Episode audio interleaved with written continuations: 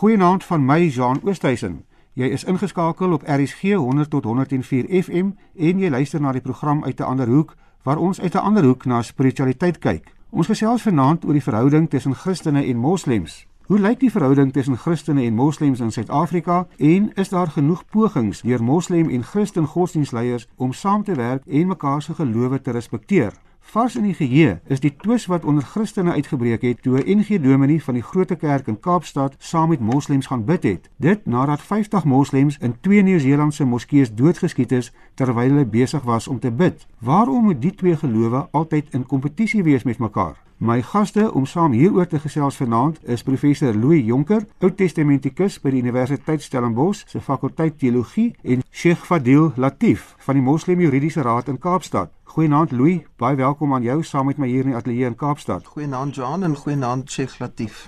Baie welkom aan jou Latif wat telefonies saamgesels. Baie welkom aan almal, goeienaand aan almal ook. Louis, kom ek begin sommer by jou. Die onlangse voorval waarna ek in my inleiding verwys het, wys maar net hoeveel vooroordeele en wanpersepsies bestaan daar nog by baie Christene teenoor moslems. Waar kom dit vandaan en waarom dink jy is dit so dat party Christene moslems nie as hulle broers en susters wil aanvaar nie? Johan, inderdaad is dit so. Dit was eintlik skokkend geweest ook om te sien watter reaksies daar was toe uh, Dominee Rian de Villiers van die Grote Kerk saam met ander lidmate aan 'n nagwaak gaan deelneem het, ook in naderdraai van die slagting wat in Nieu-Seeland plaasgevind het. Wat veral ontstellend was daaraan is dat Christene ook met groot oortuiging probeer sê het dat Christene nie met so iets moet meegevoel hê nie, want dit is mense wat 'n ander god sou aanbid en mense wat 'n ander godsdiens hulle godsdiens beoefen en dat ons as Christene nie daarmee ook sou kon sê dat die genade en die liefde wat ons in ons Christendom ook in Christus vind, ook vir ander mense bedoel sou wees nie. Waar dit vandaan kom, daar's natuurlik lang geskiedenisse agter elkeen van hierdie godsdienste en daar was lang geskiedenisse van misverstande, van vervolgings wat al uit die middeleeuse Europa al uitkom. Dit is natuurlik ook met allerlei politieke en kulturele dinge geïnformeer wat beteken dit is nie net suiwer strydpunte wat tussen twee godsdienste plaasvind nie, maar wat ook met allerlei politieke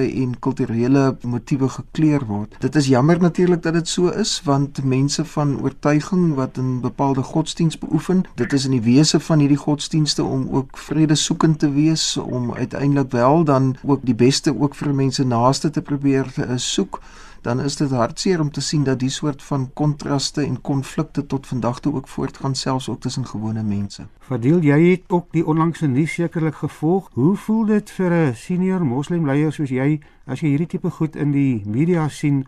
Laat daar iemand van 'n ander geloof is wat sê hulle kan nie 'n moslim as hulle broers en susters aanspreek nie. Uh, laat ek dit sê, ek sluit aan by professor wat hy nou 'n uh, kort oorsig gegee het van wat gebeur het in die verlede. Natuurlik die verlede spil ook na die hede ook. En so ons moet kyk na almal hierdie as 'n agtergrond. Natuurlik, dis 'n lang geskiedenis van uh, vyandigheid soms tussen ons en ander gelowiges. En ek wil nie apologeet wees nie want jy weet aan die een kant sê ons byvoorbeeld dat hierdie tragedie hierdie massamoord het nou plaasgevind en almal daardie goed. Maar aan die ander kant moet ons ook nie vergeet nie daar's radikale moslems ook wat onskuldige Christene onthoof het soos ISIS byvoorbeeld. Ons kry die koptiese Christene in Egipte. En hierdie goed word gedurig deur ons self in ons eie gemeenskappe en ons moskees word hierdie goed ons spreek ons sterk teen hierdie goed uit. Miskien hoor die buitewêreld dit nie maar dit word nie eintlik makliker nie. As jy kry kyk byvoorbeeld in die wêreld as jy mense het soos Donald Trump wat soms uh, ek dink hy is die die liefling van almal wat aardse rassiste wil wees. Dit maak dit moeilik vir ons. Jy weet ek wil jou 'n praktiese voorbeeld gee. Ek bly hier in die strand. Ek het 'n buurman aan die een kant wat moslim is en ek het 'n buurman aan die ander kant wat Christen is. Elkeen van die buurmense van my, hulle het 'n bos sleutels van my huis. Hulle kan my hele huis oopsluit, my deure oopsluit. Hulle kan my kamers ingaan want as ek weggaan vir die naweek, dan gee ek vir hulle die sleutels of hulle hou die sleutels. Ek het so vertroue in hulle. So die persepsie dat ons nie saam met mekaar kan saamwerk of 'n mooi bestaan het, dit is dit is verkeerd. Maar natuurlik moet ek dit ook sê. 'n Ou raak soms so emosioneel oor hierdie goed en jy raak so betrokke op 'n sekere manier wat soms heeltemal verkeerd is, dat jy slaan 'n rigting in waar jy wil hê almal moet daardie een sienswyse hê en daardie een spesifieke manier van dink en uitdra hulle hulle geloof en dis almal selfs in ons eie moslim gemeente is dit. Byvoorbeeld eh, as jy kyk 'n stelling wat gemaak was nou onlangs, daar was 'n persoon, ek dink sy naam is Dominic Chris Simon, wat die NG gemerk het uh, gemeente Tafelberg. Hy het duidelik gesê dat kyk die enigste verlosser van die mensdom is Christus. Ons het ons verstaaning en Christene hulle verstaaning van Jesus Christus. Maar daar is tog dit wat gemeenskaplik is, wat ons saam kan sê, hier stem ons ooreen. Hier is dit uiteenlopend hier stem ons oor dit. Maar as hierdie goed gedurig 'n rede gaan wees vir ons om verhandigheid te toon en nie saam met mekaar te kan werk nie, dan dink ek word die situasie al moeiliker en moeiliker vir ons om te lewe as gewone mense in hierdie wêreld. Dankie Sheikh. Ek gaan nou terugkom daarna toe Louis die Sheikh het nou baie duidelik gesê dat die moslimleiers in die Kaap het baie sterk uitgespreek oor die ekstremisme onder moslems. Moet Christenleiers hulle nie dan ook net so sterk uitspreek teen fundamentalisme en hulle geleerder nie, want dit soos wat Sheikh nou sê, gebeur ook. Uiteraard, dit is die belangrike ding wat ons moet besef, dis nie net twee geloofsgemeenskappe, Christene en moslems wat teenoor mekaar opgestel is nie. Dit is in elkeen van hierdie geloofsomgewings het ons uiterstes. Ons het van erge konservatiewe fundamentalistiese sienings, ekstremistiese sienings in beide die Islamgemeenskap en in die Christengemeenskap. Ons op dieselfde manier het ons ook aan die ander kant van die spektrum met ons in beide godsdienste het ons voorbeelde. Ek dink die Sheikh het 'n baie belangrike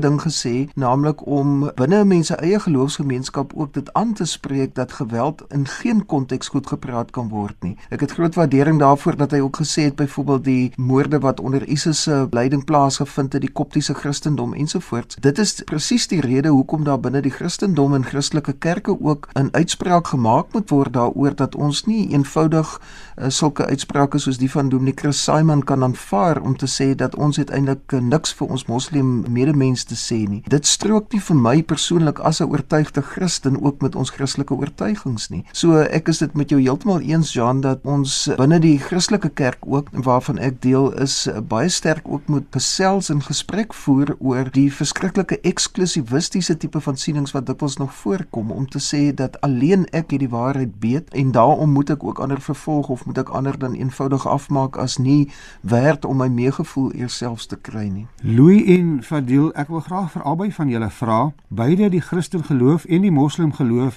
stam uit Abraham uit en so ook die Joodse geloof met ander woorde Al drie is deel van die sogenaamde Abrahamitiese godsdienste en ons weet daar is baie verskillende interpretasies en so aan, maar die vraag waaroor daar baie gestry word is of moslems, Christene en Jode dan nie dieselfde God aanbid as wat Abraham aanbid het nie. En ek is bewus van die verskille soos wat ek sê, maar hoe antwoord 'n mens die vraag Louis as al drie uit die Abrahamitiese geloof stam, aanbid hulle nie dan dieselfde God al sien hulle die God dalk op 'n ander manier nie? Ek dink dis 'n belangrike vraag om juist die onderskeide en ooreenkomste ook duidelik kan aantoon. Baie keer is mense onthuts om te hoor dat Abraham was nie 'n Christen nie, maar ek is doodseker dat ek vir Abraham gaan teekom in hiernamaals. Dit as voorbeeld daar gelaat. Ek dink dis 'n verkeerde vraag om te vra wie se God is die regte God. Ek dink ons moet 'n tree teruggee om te sê dat ons as mense raak bewus van 'n opperwese op verskillende maniere. En dit is sodat ons op 'n manier ook in ons menswees daarvoor kom ons sê bedraad is om ook te kan agterkom maar daar's meer in hierdie werklikheid as dit wat ons met ons oë kan sien. Nou is dit uiteraard so dat ons ook op verskillende maniere uiting gee daaraan, maar ons kan nie anders as om dit bloot binne ons menslike raamwerk te doen nie. As ons van 'n God praat, dan praat ons per implikasie van 'n werklikheid wat buite ons werklikheid lê. So om oor God te praat is eintlik per implikasie onmoontlik. Ons kan nie God wil wees om oor God te praat nie. Ons kan dit slegs vanuit ons eie menslike raamwerk doen. En daarom is dit belangrik om ook te sê dat in verskillende kontekste, in verskillende dele van die geskiedenis, is dit so dat die verwoording oor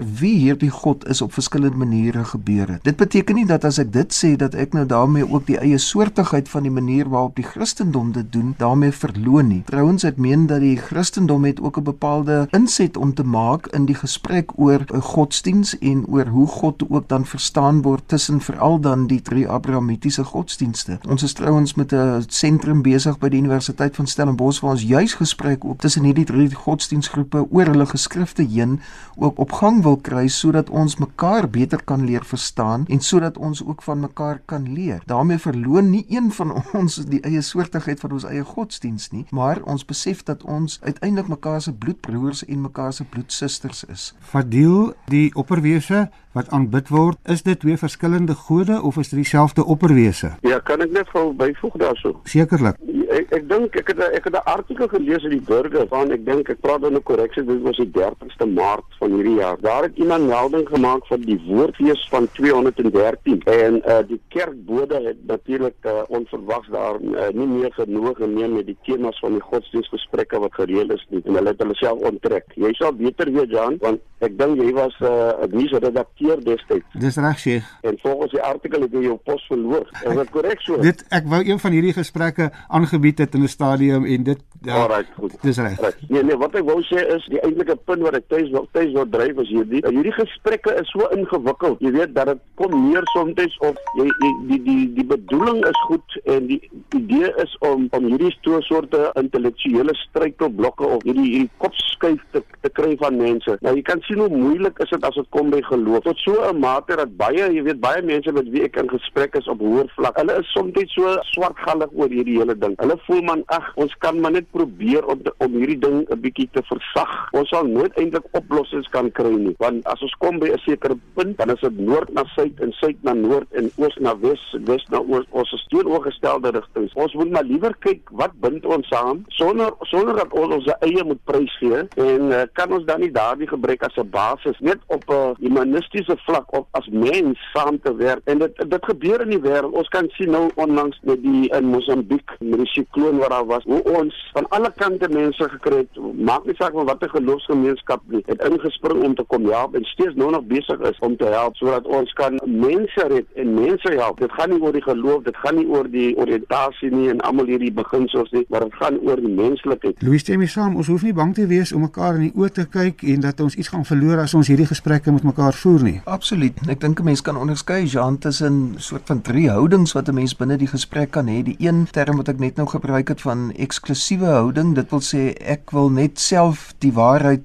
vir myself toeëien en ek weier om met ander daaroor te praat. 'n Tweede houding sou 'n inklusiewe een wees om te sê goed, ek gee ten minste erkenning daaraan dat ander godsdienste bestaan, dat hulle ook hulle ding kan doen, maar my godsdienst is die regte een. En dan 'n derde houding sou mens kon onderskei van 'n pluralistiese siening om te sê ons ons as godsdienste het op verskillende maniere uitdrukking gegee en gee ons steeds uitdrukking aan hoe ons ervarings van God is. Ons stem nie noodwendig teologies met mekaar ooreen oor elke liewe detail nie, maar ons kan mekaar op etiese vlak kan ons mekaar se hande in die besonder vat. Ek dink die Sheikh uh, beklemtoon dit baie sterk ook om te sê dat ons 'n nuwe menslikheid in 'n sekere sin ook gesamentlik met mekaar in die godsdiens kan uh, help ontwikkel. Dit is die rol wat 'n godsdienste ook gesamentlik met mekaar kan speel en ook by mekaar kan leer. Ek persoonlik dink dat Christene kan ontsettend baie leer by moslems in hulle toewyding. Dit is ongelooflik om te sien watter toewyding daar by moslems is ook om hulle geloof te beoefen. Ek voel dikwels beskaam daaroor dat ons binne ons eie Christelike tradisie dikwels geheel en al nie dieselfde soort van toewyding het nie. Op dië manier kan ons uiteraard ook by mekaar leer en versterk word in ons eie godsdienstige oortuigings ook deur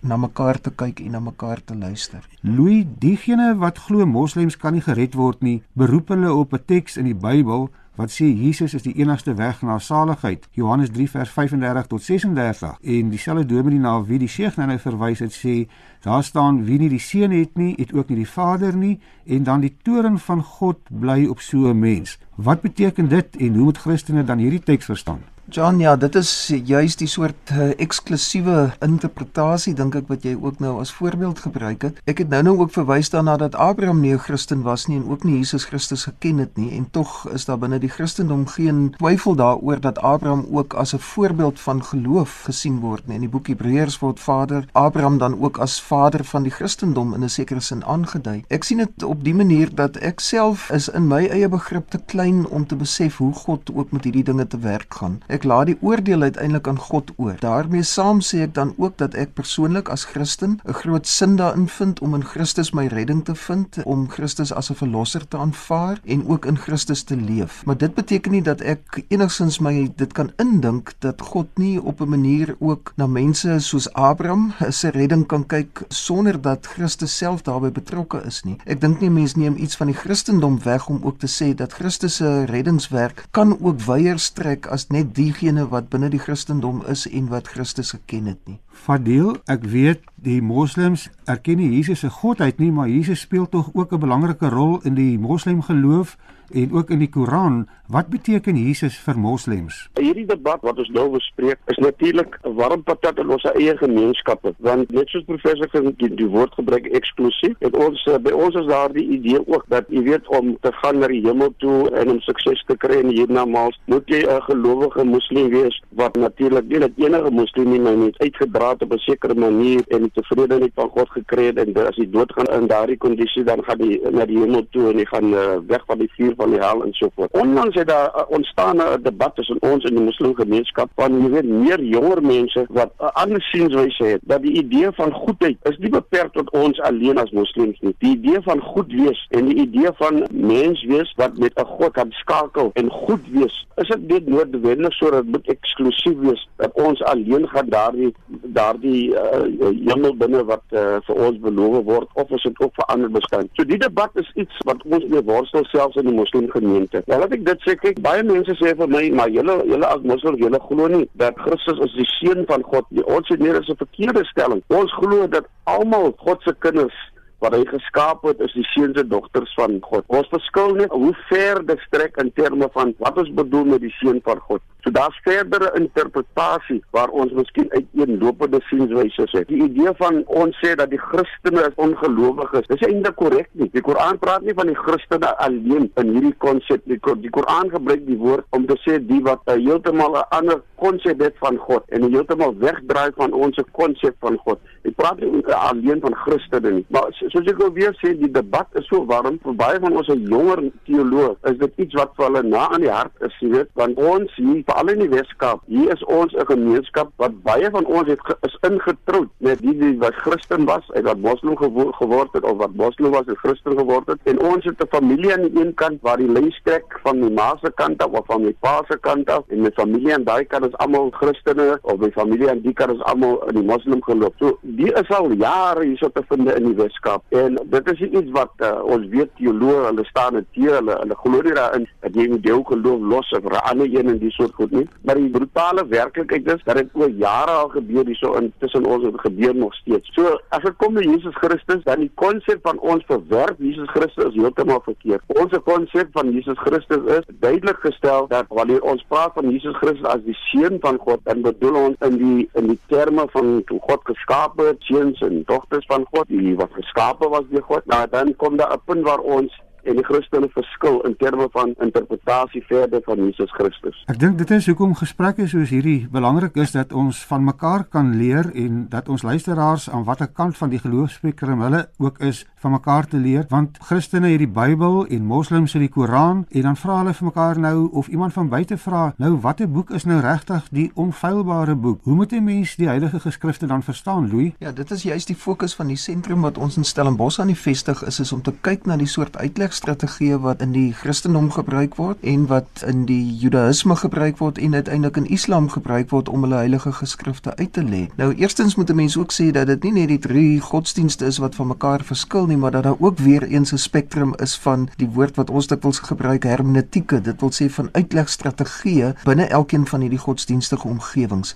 Binne die Christendom is dit so dat in die Bybelwetenskap is daar al gaande ook dan oor uh, jare heen wat dit ontwikkel het om 'n soort uitlegstrategie strategie te hê waarin ons juis ook dialogies na die waarheid soek. Dit wil sê in met die gelowiges wat ons vooraf gegaan het en wat ook dan verantwoordelik was om die Bybelse geskrifte tot stand te bring, maar dat ons dit ook doen in gesprek gesprek met ons broers en susters wat rondom ons is wat in die tyd leef waarin ons nou is. Dit beteken ook dat ons binne die Christendom met mense wat radikaal verskil van mekaar ook in gesprek moet kan gaan oor die Bybel, maar ook verder nog dat ons in gesprek moet kan gaan met mekaar oor godsdiensgrense heen. Ek dink dit is 'n fascinerende ding om juis ook agter te kom van mekaar. Hoe lees ons ons heilige geskrifte? Dit is sodat daar sterker tendense is binne Islam en sterker tendense is binne die Christendom hoe ons ons geskrifte verklaar, maar uiteraard as ons dit nie van mekaar leer ken nie, dan kan ons ook nie oor ons geskrifte met mekaar gesels nie. Sheikh, geld dit ook vir die Koran dat mens al hierdie heilige geskrifte binne konteks moet lees en dat mens nie alles net so letterlik kan opvat soos wat daar staan nie? O ja, dat natuurlik, dit is iets wat ons natuurlik, jy weet, die tradisionele manne, die wat nog wel vasklou aan daardie tradisies van die manier van hoe hulle geleer het, waar hulle geleer het en die oriëntasie en so voort. Dit is baie moeilik vir daai mense om weg te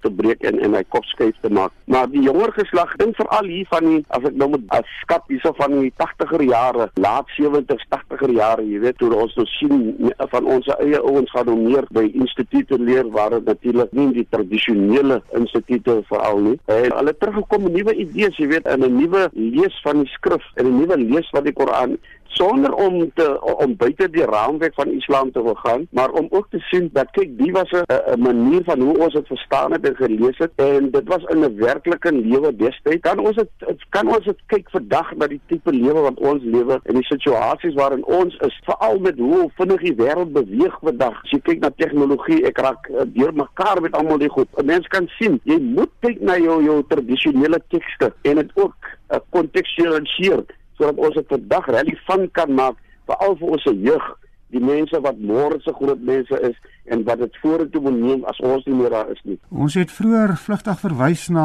van die oorloë en die bloedvergieting wat daar al was tussen Christene en Moslems, maar die Sheikh het ook daarna verwys dat dit anderster is hier in die Kaap en spesifiek in die breingemeenskap waar Moslems en Christene dikwels bure is en selfs familie is. Moslems wat Christen familie het en andersom. Doei, is dit nie een van die probleme dat so min wit Christene Moslem vriende het nie? En dat die onkunde dikwels daar uitsprei. Ek dink jy's reg, Jean. Ek het al dikwels gesê dat as gesprek tussen Christene en Moslems nie in die Kaap kan werk nie, dan weet ek nie waar anders nie. Want hier is daar 'n gemeenskaplike taal. Ek ben hier praat ek en die Sheikh albei Afrikaans vandag met mekaar. Daar's 'n gemeenskaplike politieke geskiedenis. Daar was mense van beide Moslems en 'n Christenkant aan dieselfde kant van die struggle gewees in ons politieke geskiedenis. Dit is eenvoudig so dat ons weet te min van mekaar ook as gevolg van ons politieke situasie. Nie in die eerste plek van wie ons godsdienstige situasie nie, maar ook van wie ons politieke situasie. En dit is dink ek een van die dinge wat definitief moet gebeur en laat ek ook dan duidelik sê dat een van die dinge wat vir my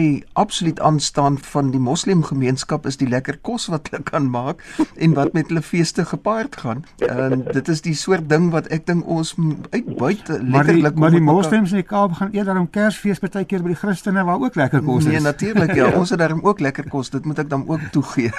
Maar jy's reg, ek meen vriendskapsbande om die lewe met mekaar eenvoudig te deel sal help dat ons ook vir mekaar respek sal hê oor on, hoe ons glo.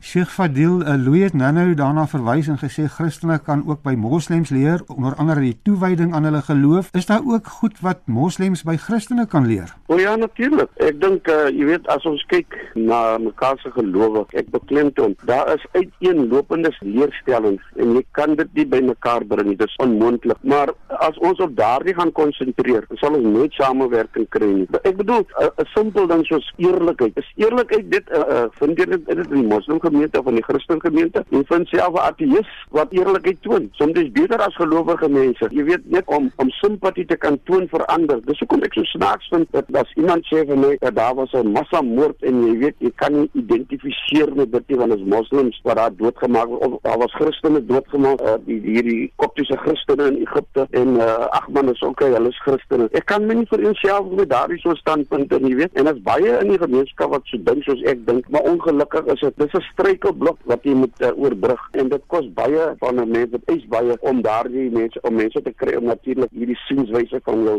te aanvaar. Ons moet afsluit miskien net 'n laaste gedagte, uh, kortliks elkeen van julle. Mense sien baie dat sekere mense van een geloof wil die ander geloof bekeer of oortuig. Is dit reg dat Louisiana byvoorbeeld Christene in moslemlande invaar om moslems tot hulle geloof te bekeer of andersom? Moet mense nie maar net mekaar se gelowe respekteer nie? Kyk, ek dink daar sit groot sin in om 'n mens se eie godsdiens ook met oortuiging te kan uitleef. Ek wil nie daaroor enigsins, jy weet, 'n ander siening handhaaf nie. Waar ek ook, ook al heen gaan, eh, wil ek as Christen ook my oortuiging kan uitleef. En dit beteken nie dat ek daarmee ander mense nou moet gaan oortuig nie. Ek dink binne die Christendom besef ons te min die waarde van getuig en ons wil te veel oortuig. Bloot deur te getuig van die genade wat ons in Christus vind, dink ek lewer ons uiteindelik ook aan ander uit ander omgewings 'n getuienis wat iets sê van die liefde wat ons in Christus gevind het. Ek wil nie mense met 'n Bybel oor die kop slaan en sê jy moet nou jou bekeer tot hierdie geloof wat ek het, andersins gaan jy nie gered word nie. Ek kan eenvoudig dit nie ruim met die God wat ek leer ken het in Christus nie. Sheikh, 'n laaste woord van u. Hoe moet gelowiges hulle geloof dan uitleef, het sy nou 'n Christen of 'n Moslem is? Ja, kyk, ons het 'n baie duidelike leerstelling dogma in Islam wat die Koran duidelik stel. Niemand mag geforseer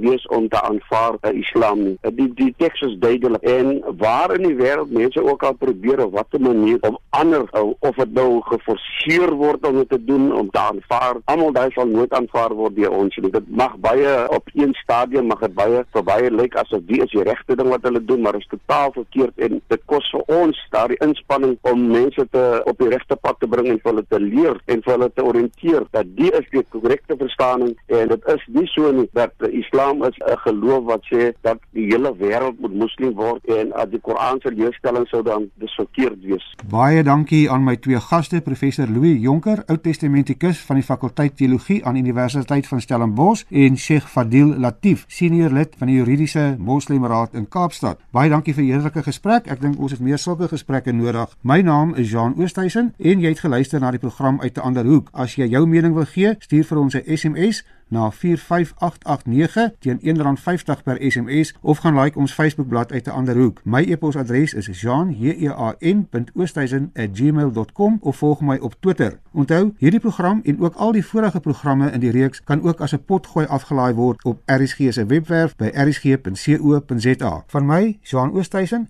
dankie dat jy saam met ons gekuier het. Tot volgende week, dieselfde tyd en dieselfde plek, weer net hier op RSG. Goeienaand en geniet die res van jou Sondag aand in RSG se geselskap.